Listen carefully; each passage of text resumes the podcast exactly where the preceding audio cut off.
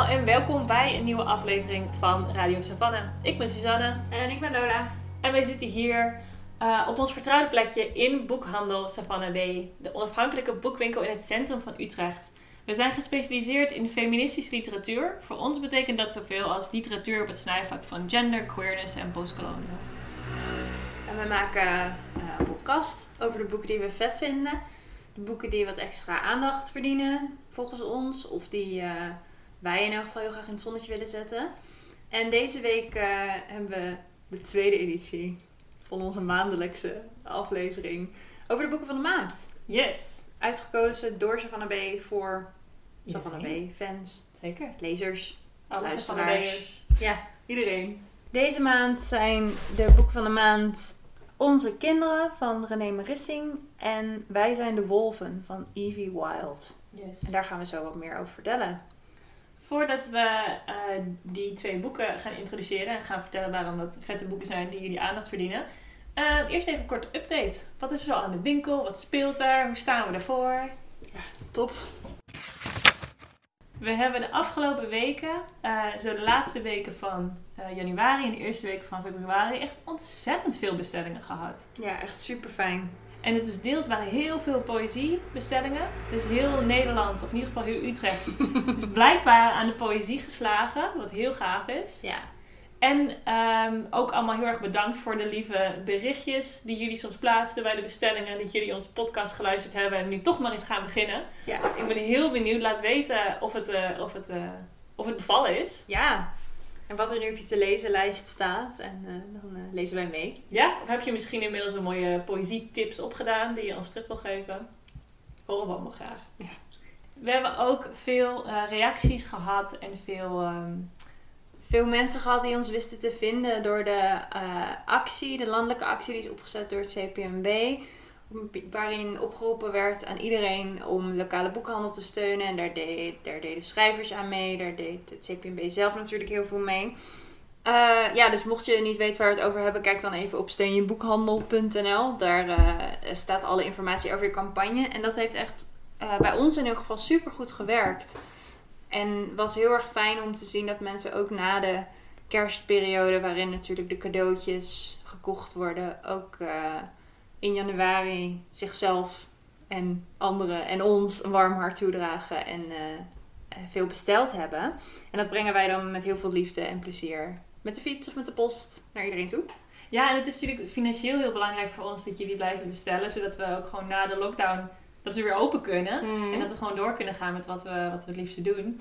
Eh, maar het is ook heel, voor de moraal van de winkel is het zo fijn. De bestellingen, maar ook de lieve berichtjes die jullie dan achterlaten. Met zet hem op, we zijn er, we blijven jullie steunen. Het is zo fijn en dat maakt dat het helemaal niet erg is om soms een paar nachten door te werken. Om al jullie boeken in te pakken en klaar te zetten voor onze fietscouriers. Ja, Dus we voelen de liefde, bedankt Ja. daarvoor. Ja, heel erg bedankt.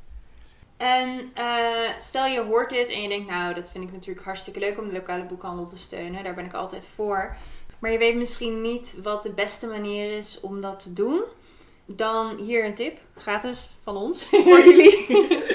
om eh, zoveel mogelijk, als het kan, om uit de voorraad die we in de winkel hebben te bestellen. Dat zijn natuurlijk boeken die allemaal al binnen zijn gekomen bij ons. Die staan hier in de kast. En waar je normaal gesproken, als je bij de winkel zou komen, langs zou snuffelen en misschien een, een verborgen pareltje uit zou vissen. Maar omdat er nu natuurlijk moeilijker gesnuffeld kan worden en we wel heel graag de boeken een fijn thuis willen geven, eh, is dat een hele goede manier om ons te steunen. Ehm, maar, zoals gezegd, dat snuffelen is een beetje moeilijk. En daar hebben er natuurlijk lang over nagedacht over hoe we dat een beetje kunnen faciliteren. En toen zijn we tot twee briljante eh, methodes gekomen. Namelijk, als je op de Instagram van de winkel kijkt, boekwinkels van dan vind je daar allerlei snuffelfilmpjes. Waarin dus iemand, eh, een van onze liefdes van de week collega's, langs de kast gaat heel langzaam. En jij dan goed kan kijken wat er allemaal in staat en kan denken, hmm, interessant. Of even op pauze kan drukken om even goed te kijken welke titel dat nou was. Dus dat is een hele goede manier om te kijken, goh, wat is er nou eigenlijk op voorraad? En wat ligt er wat ik zo, ehm, zo zou kunnen bestellen? En wat ook altijd kan, en wat we met heel veel plezier doen, is eh, via Zoom of telefonisch je er doorheen praten wat er in de kast ligt. Dan kunnen we dingen aanraden, dan kunnen we op maat gemaakt advies bieden. Mhm. En eh, dan eh, kom je ook misschien ook tot boeken die je misschien in eerste instantie niet zelf had verzonnen, maar die wel een hele goede match blijken te zijn. Ja, het is met name, kijk, je kunt natuurlijk altijd bellen en dan doen we dat met liefde. Die Zoom-sessies zijn wel extra leuk. Het zijn voor mij nu de momenten dat ik het dichtst bij het echte boekwinkelgevoel kom. Eh, je kunt ze inplannen op zaterdagmiddag en op zondagmiddag. Op zaterdagmiddag krijg je mij voor je scherm. Op zondagmiddag is dat onze collega Mirjam. Stuur even een mailtje naar info.savannah.b. Dan regelen we dat allemaal voor je.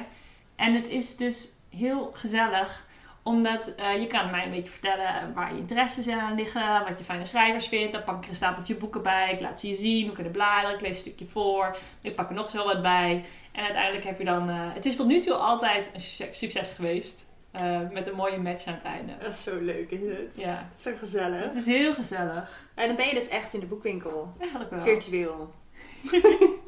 dat is eh, voorlopig even het beste waar we op kunnen hopen. Maar eh, Ja, ja, het is wel heel leuk. Het is een hele leuke manier om eh, ook een beetje uit je comfortzone misschien te gaan. Ja. Maar wel aansluitend op je interesses en wensen. Ja. Dus doe dat. We hebben afgelopen week de, de Poëzieweek afgesloten, maar er staan alweer allemaal andere mooie acties voor de deur. De eerste actie eh, die er aankomt is op 14 februari. eh, doen wij mee met het Queer Café in de Bibliotheek Utrecht. Het is een Valentijns special eh, met queer liefdesverhalen. Waarbij een mooie invulling ook aan geven. Ja. Ja, dus onder andere Edward van de Vendel is de gast. De samensteller van het boek Gloei, waar wij ook een keer een hele mooie aflevering over hebben gemaakt. Die zullen we nog even linken als je die niet geluisterd hebt. En eh, een paar van de geïnterviewden uit Gloei zijn te gast. En er wordt dus echt, eh, het wordt echt het vieren van de queer liefde. ja. In al haar vormen. Vanwege de lockdown kan het helaas geen fysiek evenement zijn. Dus is er eh, voor gekozen om een podcast te maken van het Queer Café. En die is beschikbaar via het podcastkanaal van de Biep. En die zullen we eventjes linken ook. Dan kan je daar zodra de podcast uitgebracht is lekker naar luisteren. Yes, top. En als je natuurlijk nog meer zin hebt in queer liefdesverhalen, luister je lekker gewoon eens onze vorige aflevering terug, waarin wij ook queer liefdesverhalen centraal hebben gesteld. En waar ook heel veel tips nog in zitten. Ja, inderdaad ja. Kijk die show notes, er zit Ja. heel veel in. Eh, en waar wij verder nog naar uitkijken en wat iedereen alvast met grote letters in hun agenda kan zetten, is de Boekenweek. Die gaat dit jaar van 6 tot en met 14 maart plaatsvinden. En dan, eh, zoals elk jaar, krijg je dan bij aankoop van een boek in de winkel een Boekenweekgeschenk cadeau. Dit jaar geschreven door Hannah Barefoot. Yay! Yay! En eh, je kunt ook uitkijken naar het Boekenweek Essay, geschreven door Roxane van Iperen. En dit is natuurlijk een hele mooie kans om de Nederlandse literatuur even een hart onder de riem te steken. En om eh, wat mooie nieuwe titels in je collectie te brengen. Ja. Ja, zeker. En twee belangrijke vrouwelijke stemmen uit de Nederlandse letteren in huis te halen. Absoluut. Oké, ehm, dan gaan we nu eh, door naar waar het allemaal om draait. De boeken van de maand. Hey. we beginnen met eh, Onze Kinderen van René van der Rissing. Voor wie René van der Rissing niet kent, zij is eh, toch ook een beetje een, een favo-schrijver van Savannah B.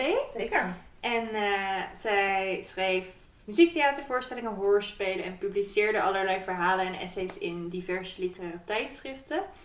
Ze is redacteur van literaire tijdschrift Terras. En andere romans die zij heeft geschreven, die je misschien kan kennen, zijn onder andere Parttime Astronauten, Strak Blauw en Het Waaien van Mijn Oma. Ik vind Parttime Astronauten zo'n leuke titel. Ja, echt superleuk. ja. En nu is daar eh, Onze Kinderen. Een roman die eh, net is uitgebracht bij Querido. Mhm. Het hoofdpersonage van dit boek is Mia. En eh, het boek opent met het overlijden van Mia's vader. En dan moet Mia met haar zus nou ja, alle dingen doen die je moet doen als iemand overlijdt. Dus ze moet onder andere zijn huis leeghalen. En eh, daardoor, door de tijd die ze daar samen doorbrengen en wat ze daar allemaal tegenkomen, komen er allerlei jeugdherinneringen bovendrijven. En gaat het dus over. ehm, ze blikken dus terug op hun jeugd, maar ze leren ook andere kanten van hun vader kennen. En wat daar parallel aan gebeurt, is dat Mia's vriendin Sally is zwanger van hun eerste kind. Dus Mia staat op het punt om moeder te worden.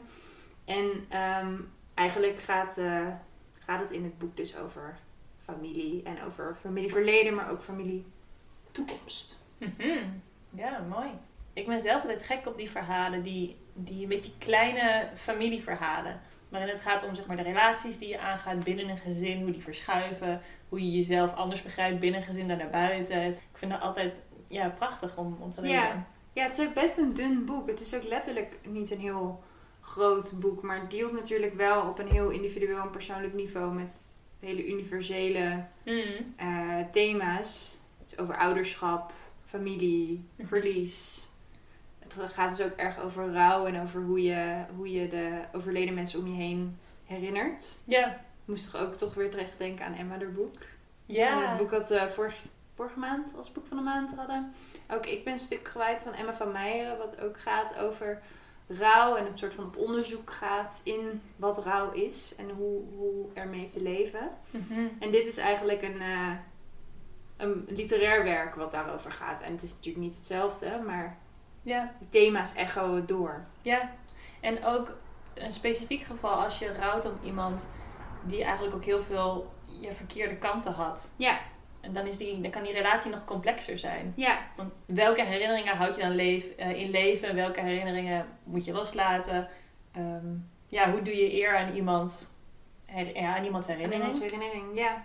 ja, en ook hoe rijm je wat jij als kind hebt ervaren met hoe je als volwassene begrijpt dat jouw ouders, in dit geval dan dus eh, de vader van, van het hoofdpersonage Mia, ook mensen waren. Hmm. Terwijl je dat als kind minder kunt bevatten of daar minder woorden aan kunt geven. Ja. Dus je moet ook je eigen herinneringen een soort van herinterpreteren. Ja, zeker als je zelf ehm, zeg maar op de, de drempel staat van kind zijn naar ouder zijn. Ja. Dat je die andere positie in gaat nemen inderdaad. Dan moet je ook die vertaalslag weer opnieuw maken. Zeker. Eh, wat nog mooi is aan het boek ook is dat je niet alleen, eh, of dat Mia niet alleen haar vader als haar vader leert kennen, maar ook doordat je natuurlijk door zijn, doordat ze door zijn spullen heen gaat, ook hem zijn leven daarvoor, voordat hij ouder was, dus voor, toen hij in haar positie nu zat, Hmm. hem ook toen als mens beter leert kennen aan de hand van zijn herinneringen. En dat ze daardoor beter leert waar zijn gedrag vandaan komt, waar zijn. Trauma's zitten, waar zijn uh, hij heeft diverse problemen in zijn leven, waaronder een problematische relatie met alcohol, waar, dat, waar de bron daarvan zit, zeg maar. Daar, Ja. daar leert ze in elk geval wat, dat leert ze wat beter kennen.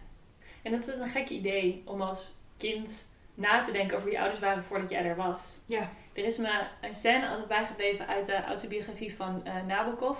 Dat hij op een gegeven moment een foto ziet van zijn moeder die als student of in ieder geval als jonge vrouw zwaait naar een vriend. En dat hem dan opeens het besef raakt dat zij daar lachte terwijl hij nog niet in haar leven was. Dus dat hij niet aan het fundament staat van wie haar tot mens maakt en wie haar gelukkig kan maken. En dat is voor hem zo'n existentieel moment en echt een soort crisis. Eh, en het is natuurlijk een soort ervaring die je als kind allemaal ja, op een of andere manier ooit meemaakt Ja. of eh, een relatie tot moet hebben. Ja. Maar het is een oneindig, eh, ja, hoe heet het? Er zit oneindig veel dimensies en gedachten in, die- in die ene realisatie. Ja. Ja, en over hoe je je als volwassene verhoudt tot je ouders. Ja, Dat, ja, dat is natuurlijk heel eh, interessant. ja, dat ze buiten jou bestaan. Ja, dus gewoon doorgaan met z'n Ja. Ja. Om je een beetje, want het is ook heel mooi, gewoon heel mooi geschreven dit. Het voelt soms een beetje dom om te zeggen, maar het is wel echt zo. Dus ik zal nog heel even een stukje voorlezen als voorproefje. Eh, dit is van de eerste bladzijde. De buik van mijn vader is zachter dan die van Sally, maar in omvang zijn ze elkaars gelijken. Als ik mijn vader omhels, voel ik zijn buik. Het is een prettig gevoel. Hij heeft hem al zolang ik me kan herinneren. Toen ik een jaar of vijf, zes was, zaten mijn hoofd en zijn buik op dezelfde hoogte. Als ik dan mijn armen om hem heen sloeg, lukte het niet mijn handen elkaar te laten raken en als ik mijn oor tegen zijn overhemd drukte, kon ik soms de geluiden binnenin hem horen. Sinds een jaar of twintig scheelt het nog maar een paar centimeter in lengte tussen hem en mij. Als je een ei op je hoofd zet, zijn we even lang, zegt hij. Ze zitten naast elkaar op de bank, mijn vader en Sally. Twee blote buiken, ze hebben hun kleren omhoog getrokken. Ze lachen naar elkaar, naar mij, naar de telefoon waarmee ik een foto maak. Word je weer opa, zeg ik. Mijn vader kijkt op van zijn menukaart. Ook dat nog, zegt hij. We eten bij Van Puffelen op de Prinsengracht. Sally blijft thuis, ze is moe. Mijn vader bestelt een biefstuk die hij in kleine stukjes snijdt, omdat hij niet goed slikt. Hij kan niet meer praten en eten tegelijk. In de verhalen die hij vertelt zitten lange kauwpauzes. Ik let erop dat ik de stilte niet opvul met een eigen anekdote of een reactie op het verhaal waaraan hij bezig is. Ik weet dat hij er niet van houdt onderbroken te worden, ook al onderbreekt hij zichzelf met hapjes biefstuk. Hoe is het met Amsterdam? vraagt hij. Druk, zeg ik. Ben blij dat ik er niet meer woon, zegt hij. Ja, ja. Ik meen het, Mia. Gelukkig maar dan, zeg ik. Hoe is het in Schubbekutteveen? hij moet lachen en verslikt zich. Hij loopt naar het toilet waar hij minutenlang blijft. Als hij terugkomt is zijn hoofd paars en hij zweet. Gaat het? vraag ik. Hij knikt, schuift het bord van zich af en steekt zijn hand in de lucht om nog een biertje te bestellen. Mooi. Ja. Dus dit was uh, Onze Kinderen van René van Marissing. Yes. Het tweede boek van de maand februari is Wij zijn de wolven van Evie Wild. Evie Wild is een uh, schrijfster die is opgegroeid in Australië, maar nu al lange tijd in Londen woont. Um, ze schreef al verschillende korte verhalen en dit is haar derde roman. Eerder schreef zij After the Fire, A Still Small Voice en All the Birds Singing. Um, dit derde boek heet in het Engels The Base Rock en kwam uit in september. En nu is er de vertaling bij uitgeverij De Bezige Bij.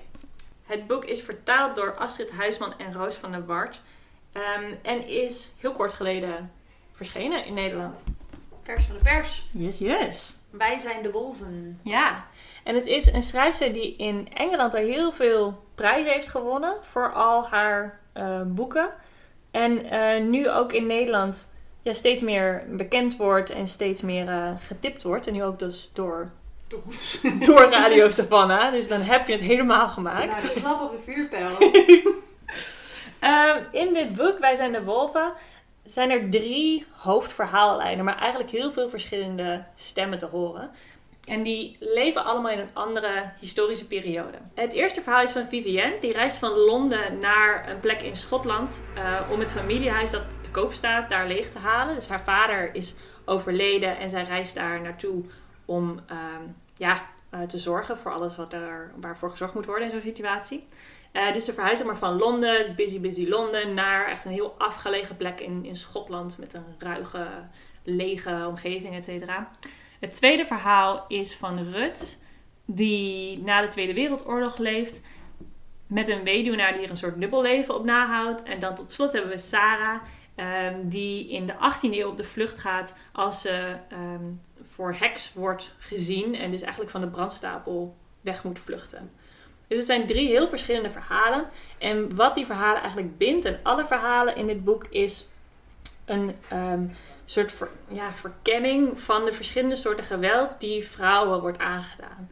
En die historische benadering um, laat dus zien hoe ingebouwd dat soort geweld is in onze samenleving. En hoe dat geweld steeds weer terugkomt door de eeuwen heen en vrouwen steeds weer ja, ja, raakt en hun leven kan bepalen. Ja. En wat dat betreft is het ook best een uh, heftige roman. Het gaat dus heel veel over geweld. Het gaat heel veel specifiek over mannen die vrouwengeweld aandoen. Lichamelijk geweld, seksueel geweld, uh, manipulatie, emotioneel geweld. En wat er dan uh, wel, wat dit boek wel leesbaar maakt en ook maakt dat je het niet heel snel weglegt, is dat de vrouwen in dit boek ontzettend interessante en soort weerbarstige mensen zijn. Ze zijn heel intelligent, ze zijn heel Um, ze kunnen zich goed staande houden. Ze weten telkens een weg voor zichzelf te vinden om in trots te hervinden, om in zelfwaarde te behouden, om elkaar soms ook te helpen. En die momenten van ja, weerstand, zeg maar, die geven je ook de hoop um, ja, om het boek uit te lezen. Ja, ja, want het is heel heftig wat er allemaal gebeurt. Maar er spreekt ook een bepaalde vorm van vertrouwen in, in de toekomst voor vrouwen, van vrouwen uit. En ook heel erg van dat je niet op die mannen moet wachten voor die toekomst. Mm. Want als je daar, dat, dan gaat het niet gebeuren. Ja. Maar dat de echt de kracht om eh, zichzelf en elkaar te redden, op wat voor vorm, voor hoe dat er ook uitziet, die ligt in die vrouwen zelf en in hun onderdinge relaties. Ja, ja inderdaad, ja. Ja, en wat er eh, nog wel interessant is aan dit boek, is dat het dus eh, thematisch heftig is, maar het heeft ook een beetje iets spookies. Mm. Dat het gaat dus over zo'n, over zo'n heel klein eiland in Schotland. En dan zie je dat een beetje zo voor je. Met de Highlands en de zee. Er zit ook een hele donkere omslag. En dat, ja, ik vond het wel spannend. Ja. Ja, volgens mij is het ook, ik weet niet meer in welke review dat was, werd als een soort gothic novel Ja, bestempeld. Ja, wat natuurlijk heel... eh, het is een heel atmosferisch boek ook daardoor. Ja, en het is ook interessant genre om te kiezen, omdat het genre van de gothic natuurlijk ook gepaard gaat met, zeg maar, een, een vrouw die eh, op de een of andere manier geweld wordt aangedaan, Ja.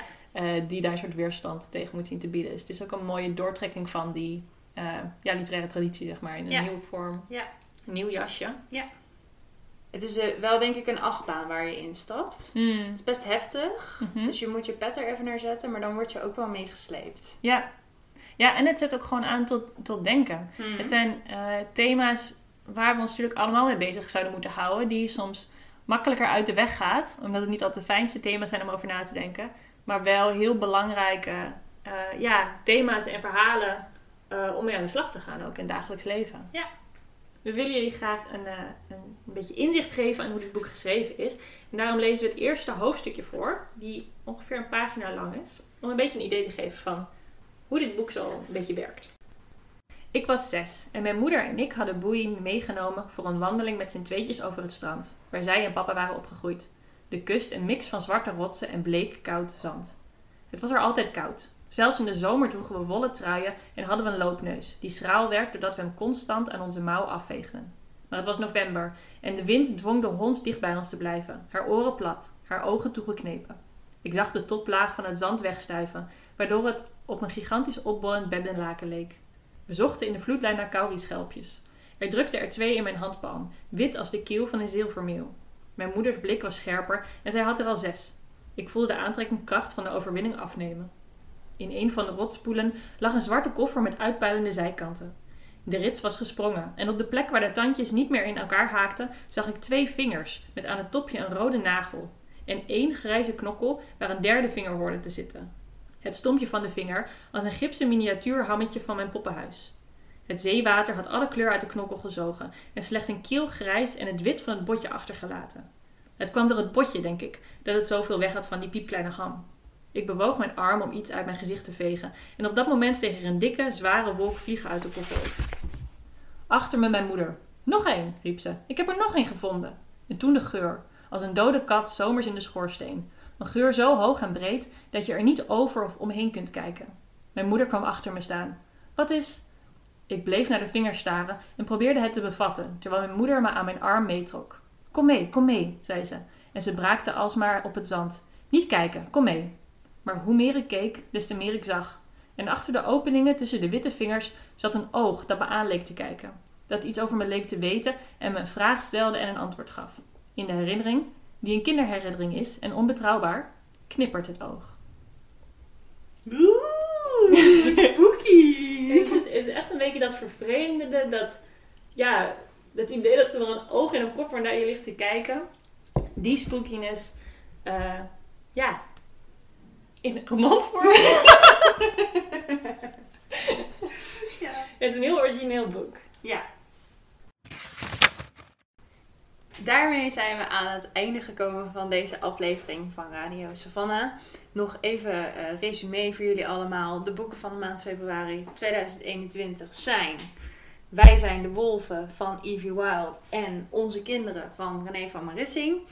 Eh, die boeken en nog veel meer kun je bestellen via onze webshop. Die kun je, eh, daar kun je met ons over kletsen. Daar kun je vragen over stellen via alle socials van Savannah B.